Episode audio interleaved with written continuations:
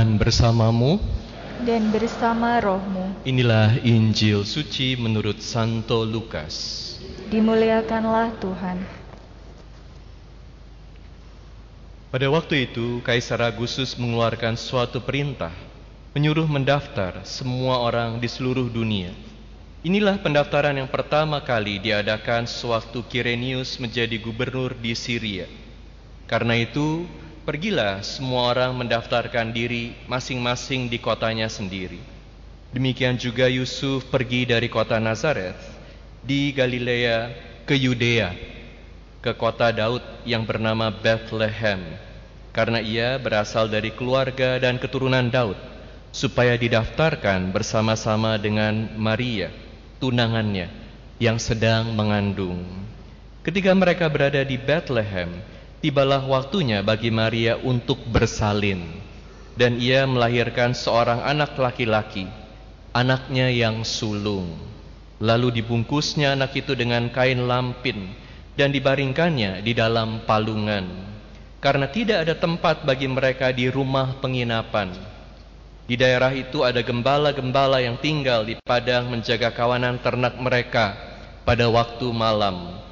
Lalu berdirilah seorang malaikat Tuhan di dekat mereka, dan kemuliaan Tuhan bersinar meliputi mereka, sehingga mereka sangat ketakutan.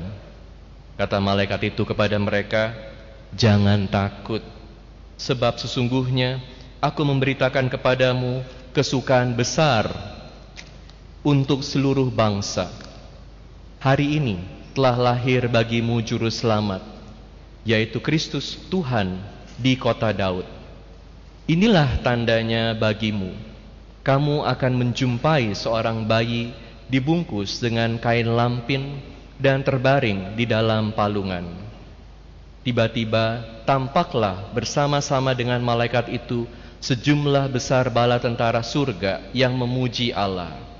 Katanya, kemuliaan bagi Allah di tempat yang maha tinggi dan damai sejahtera di bumi di antara manusia yang berkenan kepadanya. Demikianlah sabda Tuhan. Terpujilah Kristus.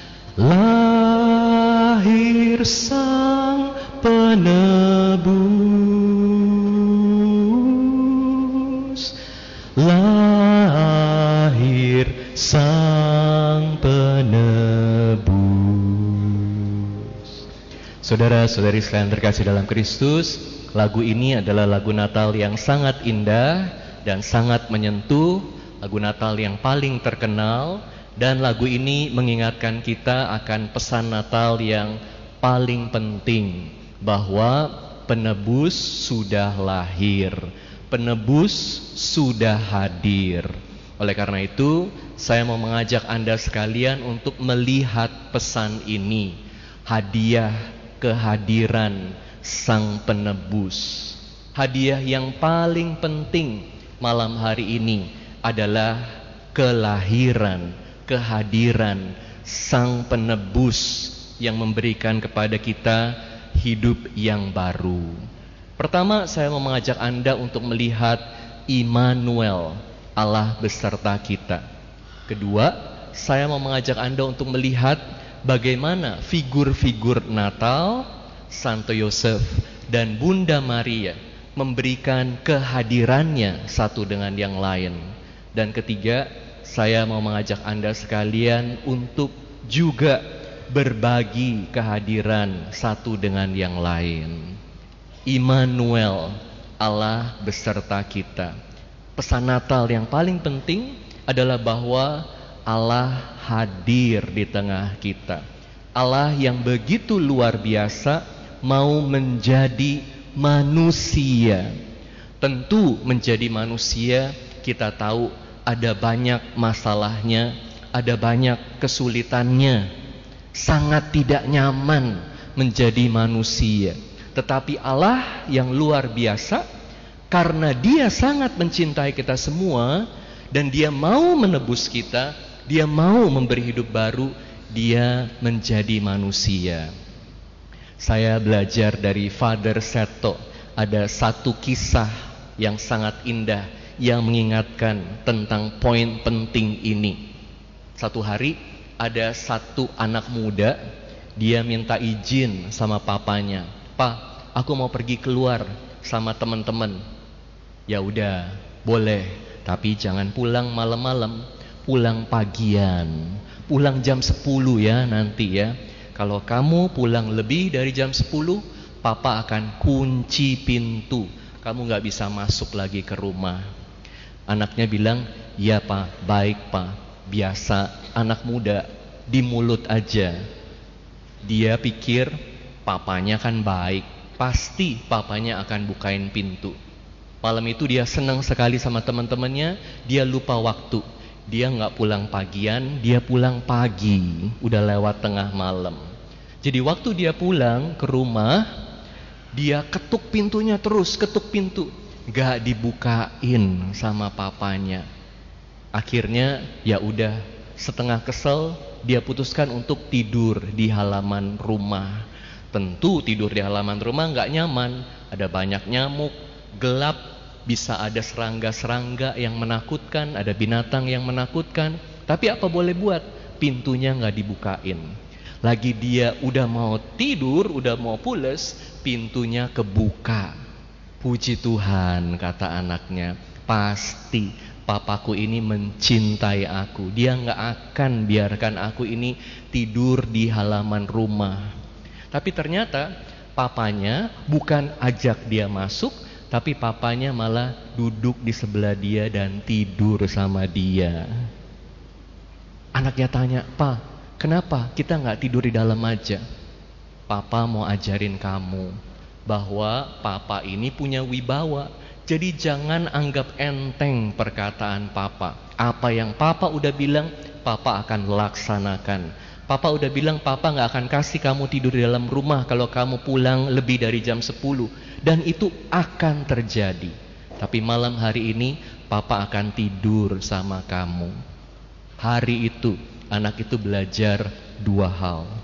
Pertama, dia belajar bahwa papanya sangat mencintai dia. Papanya mau susah-susah sama dia. Dan yang penting juga dia belajar bahwa dia harus bertanggung jawab atas hidupnya. Pesan Natal buat kita yang sangat penting adalah bahwa Allah sangat mencintai kita. Allah mau hadir bersama kita dengan segala kesulitan menjadi manusia. Tetapi nggak berhenti di situ, saudara-saudari. Tuhan mau supaya kita menerima Dia di dalam hati kita, supaya kita semua diperbaharui Walaupun sulit menjadi manusia, tapi semua hal yang kita lalui, sejauh kita mengikuti rencana Allah yang sering kali tidak sesuai dengan rencana manusia, selalu membuat kita menjadi manusia yang lebih kuat. Oleh karena itu, di dalam menjalankan rencana Allah, rencana keselamatan, Allah mau hadir bersama kita. Puji Tuhan. Ketika Bunda Maria dan Santo Yosef hadir buat Yesus. Yesus juga hadir buat Bunda Maria dan Santo Yosef. Allah hadir memberikan kekuatan kepada Bunda Maria dan Santo Yosef. Tentu gak gampang untuk menjadi Bunda Maria dan Santo Yosef karena apa? Karena kita tahu mereka berdua ini udah punya rencana yang sangat indah dalam hidup mereka buat mereka berdua. Mereka mau membangun keluarga, mereka mau saling mencintai satu dengan yang lain, mereka mau punya anak dari hasil hubungan mereka sendiri, tetapi ternyata apa yang mereka sudah rencanakan berbeda dari rencana Allah. Seringkali ketika dalam hidup rencana kita tidak terjadi, ketika dalam hidup kita mengalami berbagai ketidakpastian, ketika dalam hidup kita mengalami berbagai masalah, berbagai kepahitan, kita udah jalan benar. Tetapi ada aja orang lain yang membuat hidup kita susah. Kita udah berusaha hidup baik, tapi kok masih ada penyakit. Kita udah berusaha sebaik mungkin supaya usaha kita berjalan dengan lancar, tapi kok ada aja masalah, selalu ada aja kesulitan dalam hidup kita. Ini bukan hal yang baru, karena Tuhan punya rencana buat kita, dan rencana Tuhan bisa berbeda dari rencana kita. Tetapi itu bukan berarti bahwa Tuhan mau membiarkan kita sendiri. Dia menjadi manusia karena Dia mau hadir di tengah kita, dan itu juga yang Dia berikan buat Santo Yosef dan Bunda Maria. Mereka saling menguatkan juga satu dengan yang lain. Oleh karena itu, kalau Yesus hadir dalam hati kita, kita membuka hati kita kepada Yesus.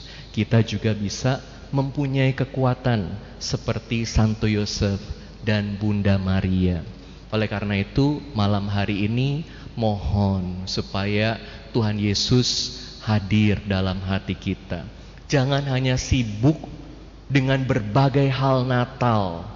Mau makan malam Natal, sibuk makanannya. Mau ke gereja, sibuk cari baju baru, sibuk tuker kado. Malam ini menjadi malam yang hiruk pikuk, sibuk dengan berbagai hal. Tapi lupa cari yang paling penting. Lupa untuk menemukan yang paling penting kehadiran Yesus di tengah kita. Dan kalau Yesus sudah lahir dalam hati kita, kita juga bisa membagi kehadiran itu buat orang lain di sekitar kita. Apalagi zaman sekarang, dunia ini walaupun kita saling terhubung satu dengan yang lain, ada banyak orang yang merasa kesepian.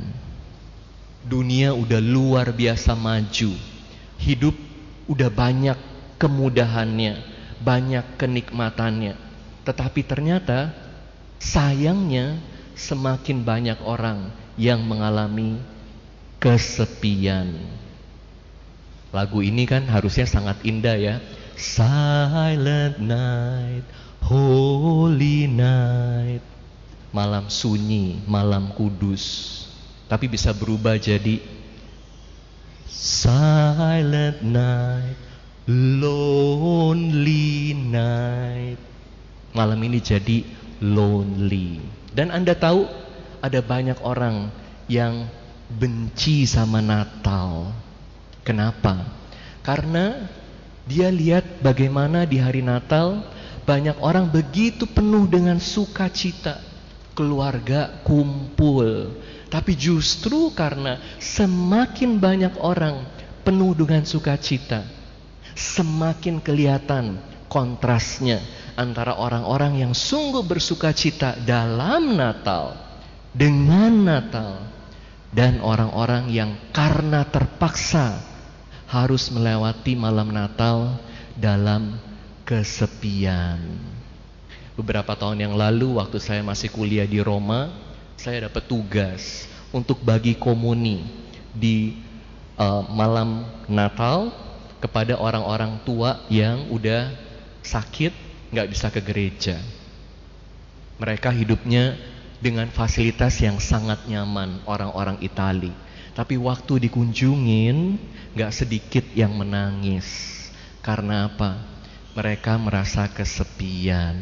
Mereka sangat bersyukur bisa dikunjungin sama Romo. Karena walaupun uangnya banyak, anaknya hebat, gak semua mau datang kunjungin orang tuanya. Jadi banyak yang melewatkan malam Natal sendiri. Bagaimana dengan orang-orang yang kehilangan orang-orang yang mereka cintai? Bagaimana dengan orang-orang yang malam hari ini nggak punya uang untuk bisa makan malam Natal bersama? Bagaimana dengan orang-orang yang penuh dengan masalah di malam Natal ini? Ini bukan jadi malam yang suci. Kalau hanya pikirin masalahnya, malam ini jadi malam yang penuh kesepian dan bahkan semakin menyakitkan kita bersyukur kalau kita bisa menerima Kristus dalam hati kita, kita mau bawa Yesus buat mereka, hadir buat mereka. Jadi tanya, ada gak tetanggaku yang kesulitan? Ada gak anggota keluargaku yang membutuhkan kehadiranku supaya aku bisa membawa kehangatan Natal, terang Natal buat mereka? seperti Bunda Maria dan Santo Yosef memberi kehangatan satu dengan yang lain, memberi hidup satu dengan yang lain, memberi kehangatan kepada Yesus, dan Yesus memberikan kehangatan kepada mereka. Kita semua juga diundang untuk membawa hadiah kehadiran. Kehadiran kita ini gak, gak bisa diukur dengan uang harganya, sangat-sangat berharga buat orang-orang yang membutuhkan kasih, buat orang-orang yang berada dalam kegelapan, buat orang-orang yang berada dalam ketakutan. Berikan hadiah kehadiran kita. Waktu saya mempersiapkan khotbah ini, saya dapat satu tokoh yang luar biasa namanya Dorothy Day. Dorothy Day. Dia ini adalah seorang Amerika dan dia ini sekarang sudah dalam proses untuk diangkat menjadi santa. Dia lahir di abad yang lalu dan meninggal tahun 1980. Apa yang luar biasa dari Dorothy Day? Dia membangun kelompok namanya Pekerja Katolik. Movement, gerakan pekerja Katolik. Movement ini punya banyak center di seluruh dunia sekarang udah ratusan senternya. Apa yang dikerjakan oleh kelompok ini yang didirikan oleh Dorothy Day? Mereka cari orang-orang yang tersisihkan, dikumpulin, dikasih makan, dikasih tempat tinggal, dihibur, sehingga mereka merasa mereka punya rumah, mereka punya kehangatan. Anda tahu kenapa Dorothy Day ini lakukan hal itu? Ini bukan karena dia adalah orang yang berlebih, tetapi justru karena dia tahu apa rasanya, bagaimana rasanya hidup dalam kesepian. Jadi ketika dia tulis buku tentang hidupnya, bukunya dikasih judul The Long Loneliness. The Long Loneliness. Kesepian yang panjang. Dorothy adalah seorang yang selalu mencari kebahagiaan, sukacita dalam hidup. Tetapi dia nggak tahu carinya di mana. Dia ikutin gaya hidup bebas Amerika. Dia cari kehangatan dari banyak pria. Dia membangun hubungan yang sangat mendalam dengan pria yang dia cintai. Dia mencintai pria yang jadi pacarnya. Sampai satu hari dia hamil tapi dia takut, dia nggak berani terusin, dia aborsi. Jadi dia bukan seorang yang hidupnya lurus-lurus aja, bersih-bersih aja. Tapi dia terus mencari cinta, dia terus mencari komunitas, dia terus mencari hidup. Sama seperti banyak dari kita, terus mencari hidup, terus mencari kehangatan. Seringkali hati kita merasa sepi, ada kesepian, ada loneliness. Dan itu yang dilakukan, dirasakan oleh Dorothy. Tapi satu hari dia hamil lagi dan berani untuk terusin kehamilannya. Begitu dia lahirin anaknya, ini mengubah hidupnya. Dia lihat betapa luar biasanya kehadiran bayi ini buat dia Dia merasa Tuhan hadir lewat bayi ini dan dia mau akhirnya supaya bayi ini dibaptis. Sejak itu dia semakin hari semakin dekat sama Tuhan dan dia sendiri minta dibaptis. Pada akhirnya dia merasa kasih Tuhan sungguh mengalir dalam hidupnya dan dia mau membagikan itu kepada orang lain. Makanya dia bentuk kelompok pekerja Katolik yang banyak memberi kehangatan buat banyak orang. Dengan kehadirannya, dia memberi pengharapan buat orang-orang yang paling membutuhkan. Bagaimana dengan kita? Semoga malam Natal ini menjadi malam yang penuh arti buat kita semua, menjadi malam yang indah di mana Yesus sungguh lahir, sungguh hadir dalam hati kita. Sehingga malam yang sunyi senyap ini bukan menjadi malam seperti kuburan, tetapi menjadi malam yang penuh makna, malam yang menyucikan, di mana Tuhan yang hadir dalam hidup kita memberikan kasihnya kepada kita, tapi juga mengubah kita supaya kita manusia bisa menjadi seperti Allah. Selamat Natal. The Lord be with you. and all be spirit. A reading from the Holy Gospel according to Luke. Glory to you, O Lord.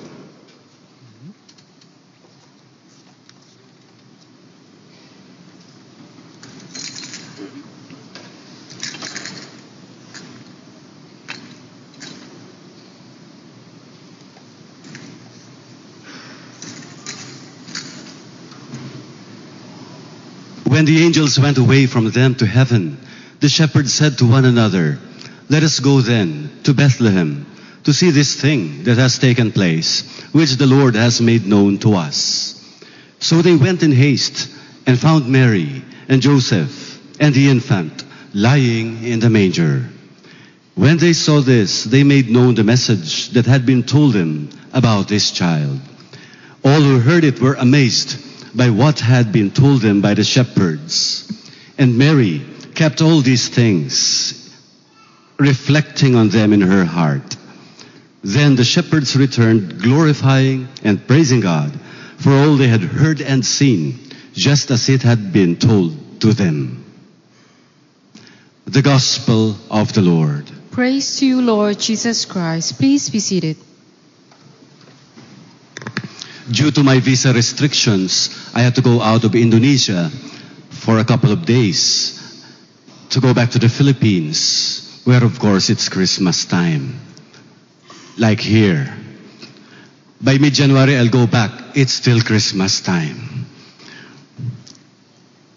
And I witnessed our university close, close semester for the Christmas, for the long Christmas vacation, capping it with an eight-minute firework display with lights and uh, and music accompanied by its orchestra. What a beautiful fireworks display! But it was also new because in that eight-minute spectacle, they also featured anti-war songs. Songs like John Lennon's Imagine, two fireworks display, and of course, the kids were enjoying it so much. For me, I caught a little of that spirit. And when I returned to Indonesia, I spent five days in Manado to discover that the weather in Manado is the same as that of the Philippines. It's of course cooler, cooler than where we are. That is of course the feeling or the spirit of Christmas that we tend to associate with. But more than that, more than the spectacle of Christmas, more than the gifts and the shows, there is a certain silence that pervades Christmas Day. It is a silence of peace. Not more than a century ago, we experienced war as well. We experienced the Second World War. Of course, Most are too young to know it. But we, if we look at our history, we suffered war even during Christmas time. The war started, in fact, around Christmas. And one Christmas morning, waking up to a ruined city, Manila was one of the most ruined cities after the Second World War, second to Poland. So we saw our city destroyed. There was this young man who went up a destroyed building and began to compose a song. That song is now a very popular Christmas carol. It's not a very festive song. It's composed as a love song, as a love song to his beautiful city in ruins. But more than that, it is a love song for Christmas. It is a love song for peace. So even if you do not understand my language, Filipino, I will hum the melody for you so that you will know a melody of peace. It's Christmas time anyway. Time for Christmas carols. So let, in this homily, let me, let you hear a foreign Christmas carol. Like a love song for Christmas Day. It is entitled Payapang Daigdig, Peaceful World. If you do not understand the lyrics, I, I, I know you will not. I will translate it after because it's just so easy. The song goes like this. Ang gabi payapa, lahat ay tahimik, pati mga tala sa bughaw na langit. Kahit hindi ng hangin, waring umiibig sa kapayapaan ng buong daigdig.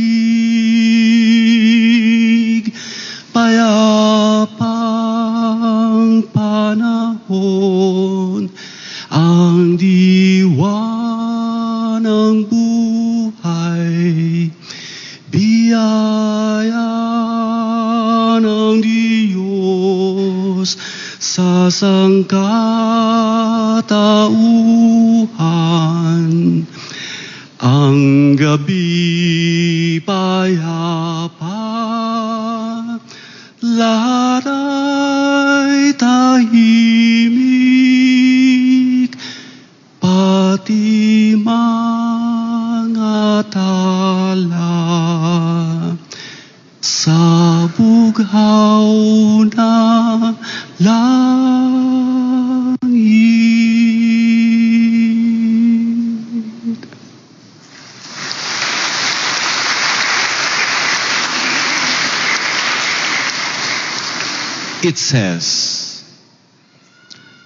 night is peaceful.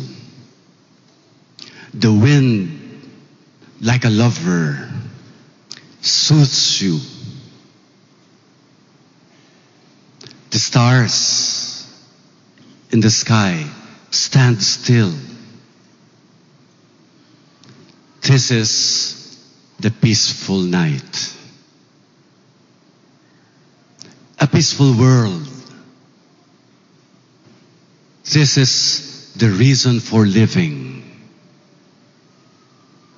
And the same peaceful world is my wish to you, our wish for your city, for your family, for your country. A peaceful heart and a peaceful home. So peaceful that the stars in the sky stand still. So you see, I, I, hope you heard the melody, and the melody is like the wind. It's just about the wind. It's just about the peaceful environment. It's just about looking out, but not seeing a city destroyed, but rather looking out into our world and seeing peace and starting hope. That song is now a classic Christmas song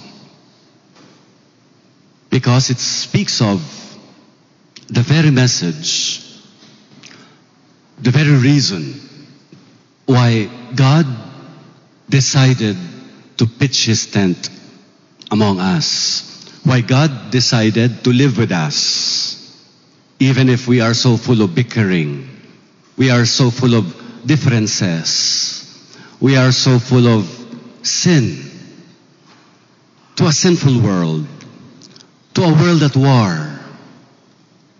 That is the reason why God came. And when God comes to us on Christmas Day, when God comes to us on a peaceful morning like this, He tells us, the seed of peace is in your heart. The seeds of hope for the world you carry in your hearts. Go and start the peace. May the hope that you carry in your heart never waver, despite the sinfulness, the differences, the wars in the world. And so, my brothers and sisters, as we come together to celebrate the Eucharist on this peaceful and beautiful Christmas morning, may the message of peace given to us by the angels, may the message of peace given to us in song, may the message of peace read to us in the gospel penetrate the innermost part of our hearts so that we, like renewed Christians, may be able to witness to that same faith, the faith of the Lord in us, that we are capable, we are capable of love, we are capable of hope, we are capable of peace. Salamat Natal. The Lord be with you. And with your spirit. A reading from the Holy Gospel according to Luke. Glory to you, O Lord. In those days, a decree went out from Caesar Augustus that the whole world should be enrolled. This was the first enrollment when Quirinius was governor of Syria. So all went to be enrolled, each to his own town. And Joseph too went up from Galilee, from the town of Nazareth to Judea, to the city of David that is called Bethlehem, because he was of the house and family of David, to be enrolled with Mary, his betrothed, who was with child. While they were there, the time came for her to have her child, and she gave birth to her firstborn son. She wrapped him in swaddling clothes and laid him in a manger, because there was no room for them in the inn. Now there were shepherds in that region living in the fields and keeping the night watch over their flock. The angel of the Lord appeared to them, and the glory of the Lord shone around them, and they were struck with great fear. The angel said to them, Do not be afraid, for behold, I proclaim to you good news of great joy that will be for all the people. For today, in the city of David, a Savior has been born for you, who is Christ and Lord. And this will be a sign for you. You will find an infant wrapped in swaddling clothes and lying in a manger. And suddenly there was a multitude of the heavenly host with the angel, praising God and saying, Glory to God in the highest, and on earth peace to those on whom his favor rests. The Gospel of the Lord. Praise to you, Lord Jesus Christ. Please be seated. On this Christmas night, as I start my homily, please indulge me, please forgive me first for greeting some other friends who are watching online before we talk to each other. Uh, they're watching online from the Philippines. They are now having Christmas dinner. So gusto kong batiin sila, ang aking pamilya at mga kaibigan ng maligayang Pasko. Uh, Maugmang Pasko, Bicolandia. And maug, ma, maligayang Pasko, Pilipinas. Salamat, Natal.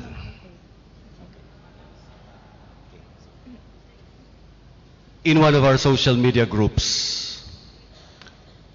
some of my colleagues, understandably, this is a secular university, posted their pictures and put their happy holidays. Immediately there was a comment. It said, it should be Merry Christmas. Remember, Jesus is the reason for the season. Sound the reason for the season. Can you repeat that? Thank you. For in fact, that is the truth. If we just greet one another, happy holidays, it's almost like an insult, right? I know you're having a holiday. If you're not happy, that's your problem, right? But I know everybody's happy because it's a holiday. Even if it's not about us, Christians or Catholics. For example, it's uh, the long holiday, Lebaran. There's a particular greeting for that, right? You don't just greet happy holidays. Of course, everyone's happy going home, enjoying the holidays. So, the comment, Jesus is the reason for the season, rings true and summarizes to a great extent why we are here tonight, celebrating the Eucharist, celebrating the presence of Jesus in the world as a child, Emmanuel, God who is with us. When I arrived at around 3 p.m. from the airport, two of our parishioners met me and asked me, Where are you from, Father? Are you from the Philippines? I wanted to say yes and no. Because it is yes, I have come from the Philippines, but I am already in Indonesia five days ago. I was in Manado. I could not detail to you everything I did in Manado. It's of course research and some pastoral pastoral work. But every day of those five days, I encountered the unexpected. Such that I could only say, It is the Lord. It is the work of the Lord. Maybe I should mention a bit more so that you would believe me that it is the Lord. The bishop welcomes us to be there as well. Right on day one. So it is not me. It is the Lord.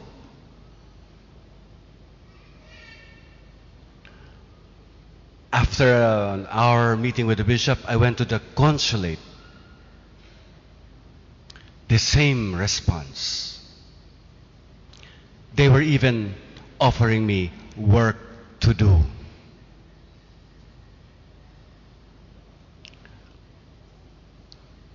And they would help procure an appropriate visa for me, not just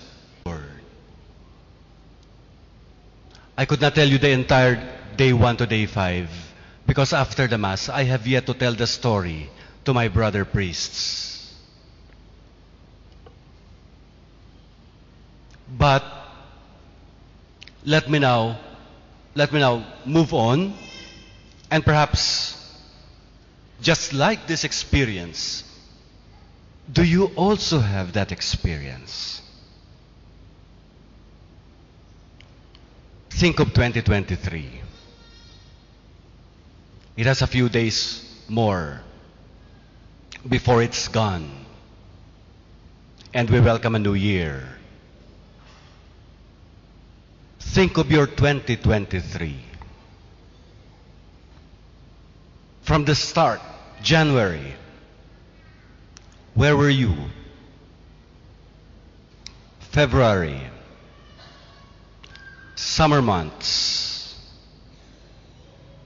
June, July, August, the bear months, September, October, November.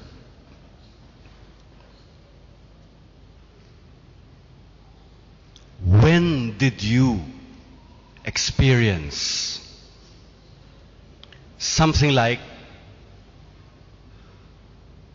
something that convinces convinces you it is the Lord.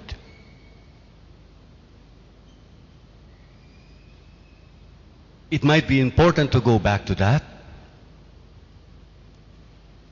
because the reason for the coming of Jesus is that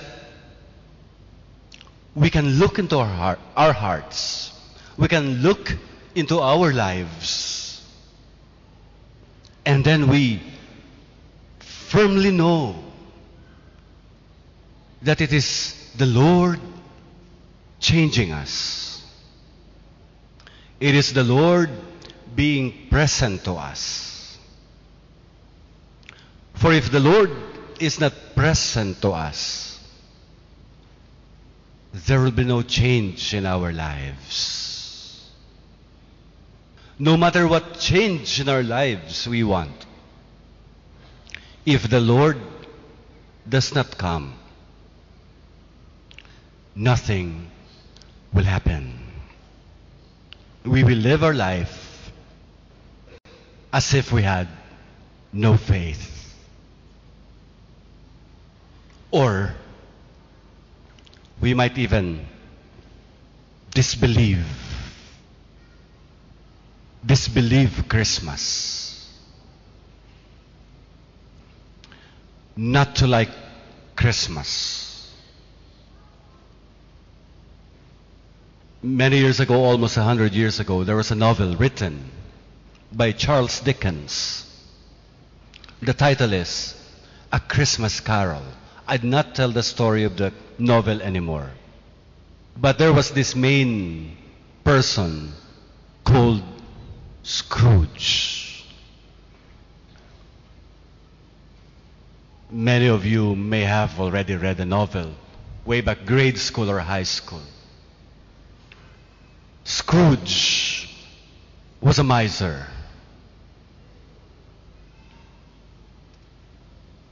He never gave.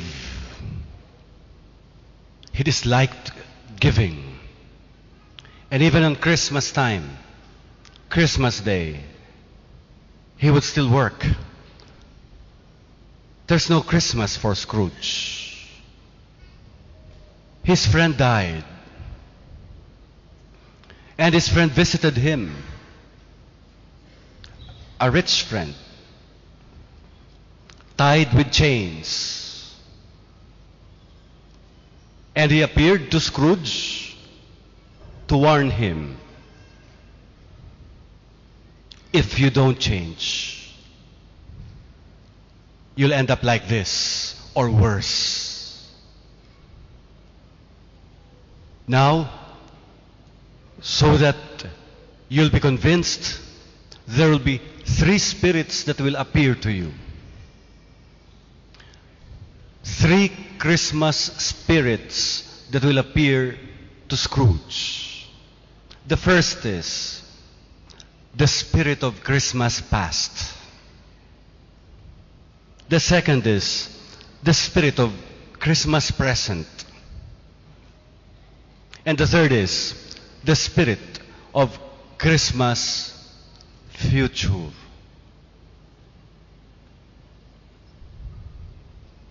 So a spirit of Christmas past appeared.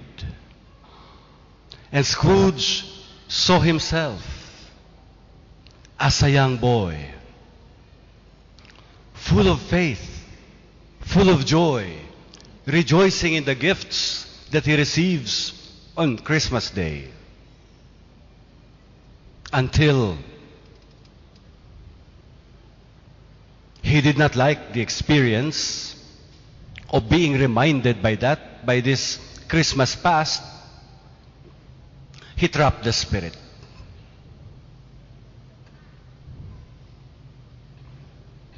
And then appeared Christmas present, the second spirit. Christmas present showed Scrooge himself. His faults, his mistakes. He's not a young boy anymore.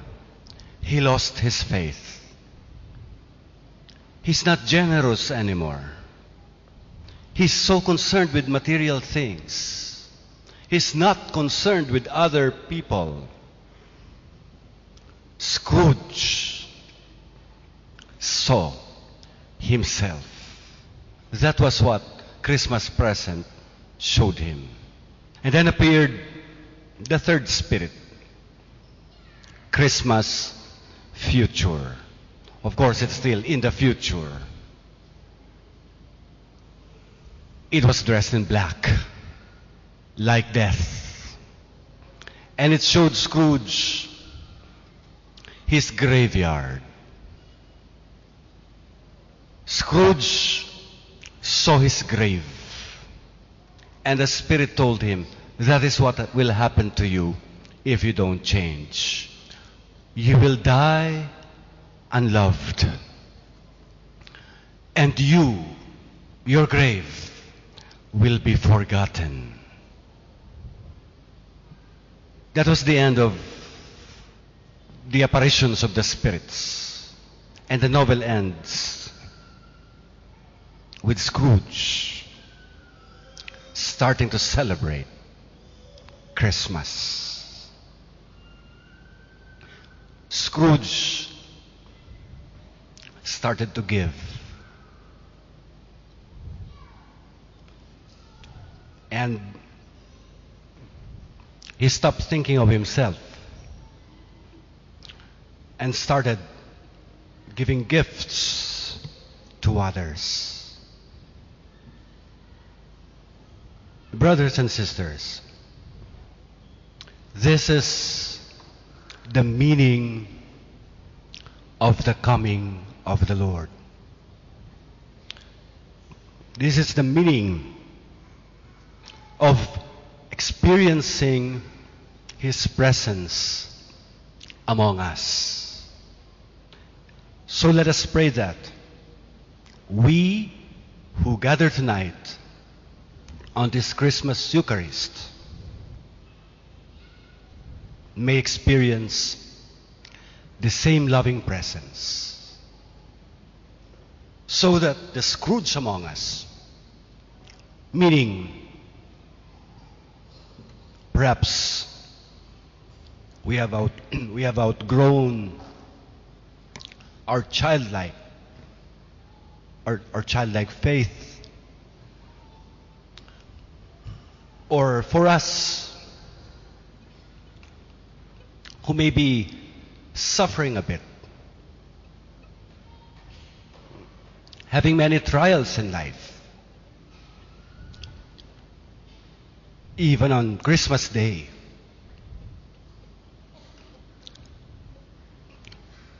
For us who begin to doubt about the possibility of peace,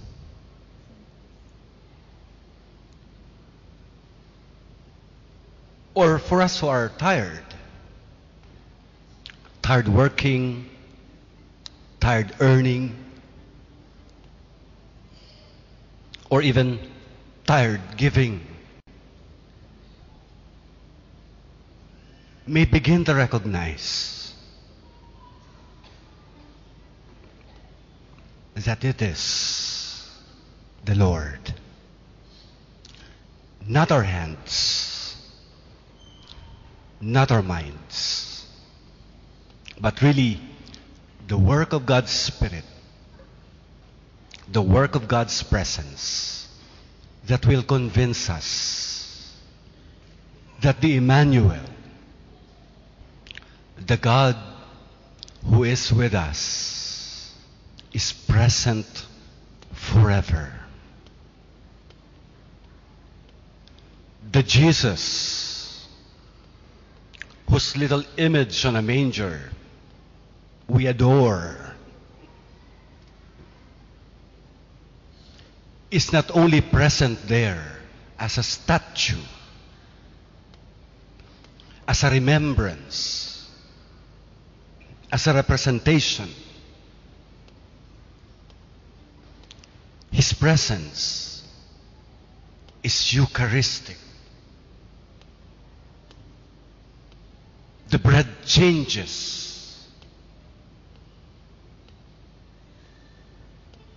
Then we receive Him.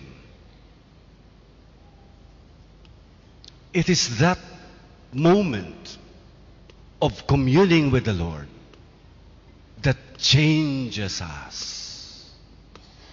And then you would say, Did I change? Depending on the criteria that you apply to yourself. I hope it's not the physical criteria only. Did I change? The response to the question, did I change? Would be the same change that occurs in the bread occurs in our soul. So it is not for our mind to say, I did not notice that I changed. But rather, from listening to the words of the Lord, from a life that is spent in prayer, from giving, from giving from our own volition, especially to those in need. These are the gospel criteria whereby we know that the Lord changed us and that after having been changed, we can never actually go back to our old selves. But really, undertake that step by step, that access, that ascent of our soul to the Lord, then that is our own spiritual life, what we call our own Christian spirituality, our own journey to maturity. Jesus, whom we celebrate today, born as a, as a baby, would grow up. May we too. May the change, the changes that He has worked in our lives over these years, or at least over this 2023, find purpose for eternity. So it is not nothing. Your years are not nothing. Your Sundays are not nothing. Your being here tonight is not nothing. It is the Lord. Salamat Natal. bersamamu dan bersama rohmu. Inilah Yesus suci menurut Yohanes. Dimuliakanlah Tuhan. Pada mulanya ada firman. Firman itu bersama-sama dengan Allah dan firman itu adalah Allah. Firman itu pada mulanya bersama-sama dengan Allah. Segala sesuatu dijadikan oleh dia. Dan tanpa dia tidak ada sesuatu pun yang telah jadi dari segala yang telah dijadikan. Dalam dia ada hidup dan hidup itu adalah cahaya manusia. Cahaya itu bersinar di dalam kegelapan tetapi kegelapan itu tidak menguasainya. Datanglah seorang yang diutus Allah namanya Yohanes. Ia datang sebagai saksi untuk bersaksi tentang cahaya itu supaya melalui dia semua orang menjadi percaya. Ia bukan cahaya itu, ia harus bersaksi tentang cahaya itu. Cahaya yang sesungguhnya yang menerangi setiap orang sedang datang ke dalam dunia. Cahaya itu telah ada di dalam dunia dan dunia dijadikan melalui dia. Tetapi dunia tidak mengenali dia, ia datang kepada miliknya. Tetapi orang-orang miliknya itu tidak menerima dia, namun semua orang yang menerima dia diberinya kuasa supaya menjadi anak-anak Allah, yaitu mereka yang percaya dalam namanya. Orang-orang yang dilahirkan bukan dari darah atau dari keinginan jasmani, bukan pula oleh keinginan seorang laki-laki, melainkan dari Allah. Firman itu telah menjadi manusia dan tinggal di antara kita dan kita telah melihat kemuliaannya, yaitu kemuliaan yang diberikan kepadanya sebagai putra tunggal Bapa, penuh anugerah dan kebenaran. Yohanes bersaksi tentang dia dan berseru, inilah dia yang aku maksudkan ketika aku berkata, sesudah aku dat akan datang dia yang telah mendahului aku, sebab dia telah ada sebelum aku. Karena dari kepenuhannya kita semua telah menerima anugerah demi anugerah sebab hukum Taurat diberikan melalui Musa. Tetapi anugerah dan kebenaran datang melalui Yesus Kristus. Tidak seorang pun pernah melihat Allah, tetapi putra tunggal Allah yang ada di pangkuan Bapa, dialah yang menyatakannya. Saudari-saudara, Demikianlah sabda Tuhan. Terpujilah Kristus.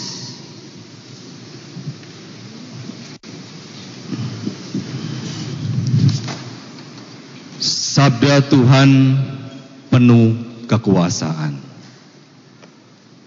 Sabda penuh kuasa seperti yang disampaikan surat kepada orang pribadi. Tentunya kita percaya kan? Kalau tidak percaya, Misalkan aja saya bilang saya mau homili satu jam. Percaya enggak? Enggak percaya mungkin ya. Mau semua kaget mungkin ya. Saya enggak akan bicara satu jam enggak akan. Kita akan kedatangan tamu juga nanti uh, dari ketua PBNU Lamongan kalau enggak salah. Beliau juga akan menyampaikan sesuatu. Semoga enggak satu jam juga. Semoga. Jadi sabda penuh kuasa. Dan bacaan pertama kita biasa yang mengatakan bahwa Kedatangan bentara mengabarkan berita damai, memberikan kabar baik. Dan kita melihat atau mendengarkan dalam bacaan Injil bahwa firman bersama dengan Tuhan pada awalnya dan firman itu adalah Allah. Yesus yang adalah sabda dari Tuhan yang menjadi manusia hadir dengan di antara kita sabda yang menjadi manusia bersama-sama dengan kita. Kuasa dari Tuhan. Kalau kita melihat dari bacaan dari kejadian bahwa dengan sabda dari Bapa dari Tuhan jadilah ini maka itu semuanya jadi. Jadilah terang maka saat itu pun jadi. Begitu kuasanya. Lalu Tuhan hadir dalam kehidupan kita sebagai seorang bayi dan tentunya sebagai sosok yang memberikan kebenaran dan anugerah. Dan menjadi tugas kita dalam dunia ini ataupun dalam kehidupan bergereja ataupun dalam kehidupan bersama bagaimana kita yang diberikan tanggung jawab oleh Tuhan bahwa kita menghidupi Tuhan bahkan kita menjadi pengikut Tuhan bahwa sabda ataupun perkataan kita juga mempunyai kuasa. Dan dalam bacaan kedua, bacaan pertama bahwa sabda membawa damai, membawa kebenaran, membawa kabar baik itu yang tidak mudah. Begitu mudah kita hidup dalam keseharian atau kebiasaan dalam kata-kata yang negatif. Kata-kata negatif, kata-kata pesimis dan segala macamnya itu yang sering kali membawa kita dalam ketakutan. Tidak mudah untuk membangun masyarakat, keluarga dalam sesuatu hal yang baik, terus-menerus baik. Kata-kata afirmatif, kata-kata yang mendukung, kata-kata yang positif sering kali dikalahkan. Bahkan sering kali dihambat oleh kata-kata yang negatif. Belum tentu dalam kehidupan kita, dalam keseharian kita, kita lebih banyak memuji, kita lebih banyak mendukung, entah itu pasangan kita, entah itu saudari-saudara kita, atau anak-anak kita, atau mungkin teman-teman kita. Mungkin tidak dalam satu hari, mungkin bisa dihitung. Lebih banyak, ya mungkin lebih banyak mengkritiklah, mencemoohlah, atau menilai dan segala macamnya suatu hal yang negatif.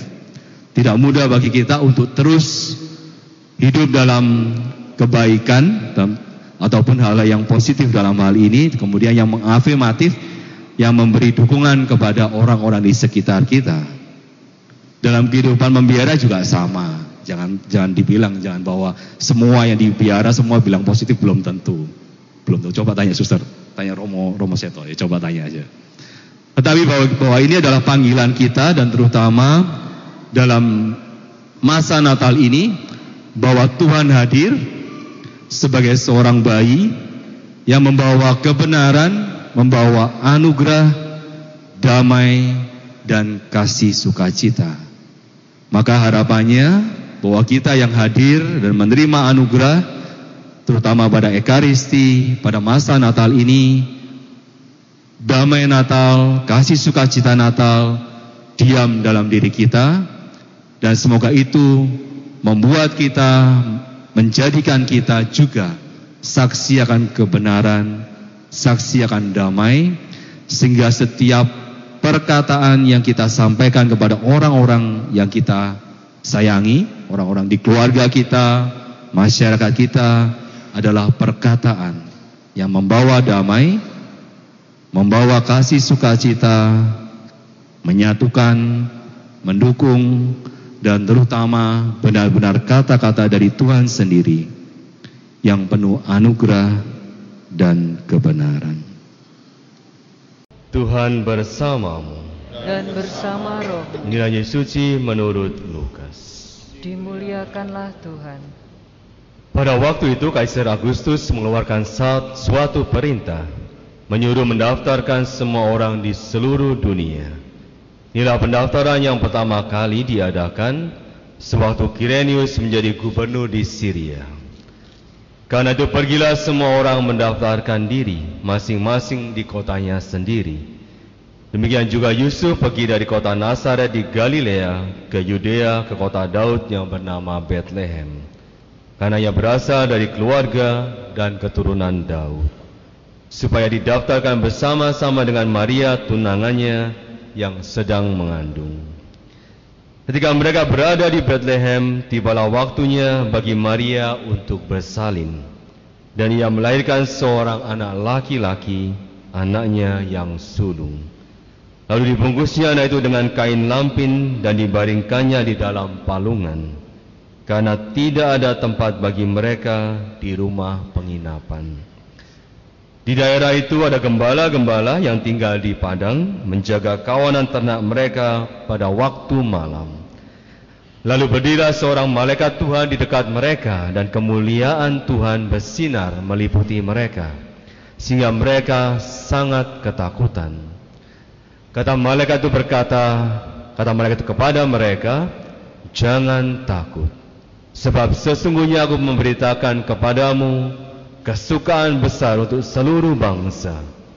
Hari ini telah lahir bagimu juru selamat, yaitu Kristus Tuhan di kota Daud. Inilah tandanya bagimu. Kamu akan menjumpai seorang bayi dibungkus dengan kain lampin dan terbaring di dalam palungan. Tiba-tiba tampaklah bersama-sama dengan malaikat itu sejumlah besar bala tentara surga yang memuji Allah katanya.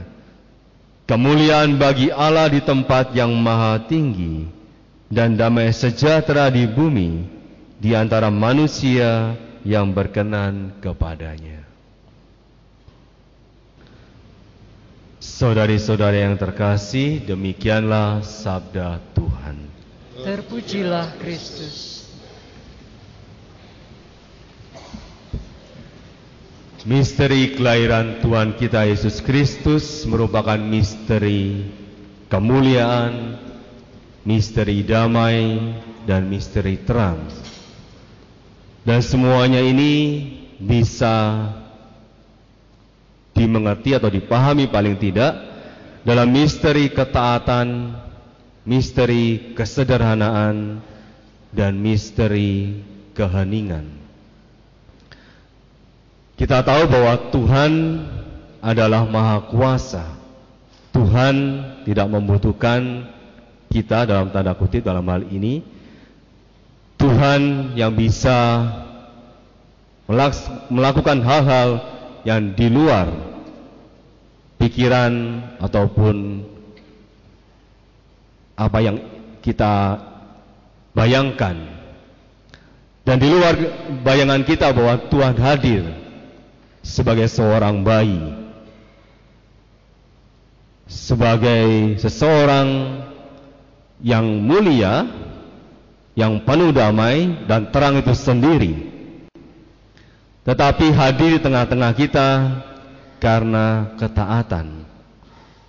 Kita bisa lihat bagaimana Yosef dan Maria yang bacaan ini kita mendengarkan bahwa Maria sudah saatnya untuk melahirkan tetapi masih melakukan perjalanan ketaatan terhadap Tuhan dan juga tentunya kepada pemerintah yang mengharuskan mereka untuk melakukan pendaftaran diri. Ketaatan yang mungkin mereka mempertanyakan mengapa semuanya itu boleh terjadi dan mengapa harus ke Bethlehem dan segala macamnya. Tetapi mereka taat. Dan sebuah misteri dan tentunya menjadi pergulatan tetapi itu menjadi perjalanan iman bagi Yosef dan Maria. Dan terlebih lagi Bunda Maria dan Yosef yang tahu adalah Tuhan yang akan lahir akan dilahirkan dalam kesederhanaan dan dilahirkan di palungan Alasannya pasti ada karena mereka tidak mempunyai atau mendapatkan rumah penginapan. Karena semua orang pada saat itu kembali ke rumah masing-masing untuk mendaftarkan diri. Dan tentunya sebuah penyelenggaraan ilahi juga bahwa palungan ataupun kandang tersedia bagi mereka untuk kelahiran Tuhan. Dan tentunya Tuhan yang mulia Tuhan yang begitu penuh kuasa kalau kita melihat tidak membutuhkan hiruk pikuk ataupun tidak membutuhkan hal-hal yang mungkin saat ini harus kita lakukan tetapi dengan kesederhanaan kemuliaan Tuhan tetap terpancar kemuliaan Tuhan tetap ada meskipun di dalam palungan. Dan terakhir terlebih lagi di dalam keheningan. Kita melihat mungkin semua orang pada saat itu berada dalam penginapan. Mungkin mereka dalam perayaan dan segala macamnya. Tetapi dalam kandang Natal mungkin tidak ada orang pada saat itu. Dan para malaikat pun harus memanggil para gembala yang saat itu sedang bekerja nah, sedang menjaga ternak, menjaga kawanan ternak pada malam hari. Malaikat memanggil mereka untuk hadir bersama-sama Tuhan sendiri untuk memuji Tuhan, untuk merasakan kedamaian yang datang dari Tuhan.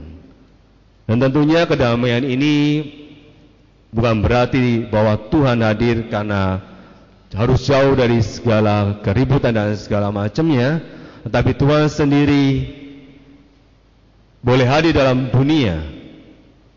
Boleh hadir Tuhan juga akan nantinya juga akan tahu bagaimana Tuhan kembali kepada Bapaknya dalam salib, tetapi Tuhan Sang Damai itu sendiri bisa dirasakan dalam keheningan.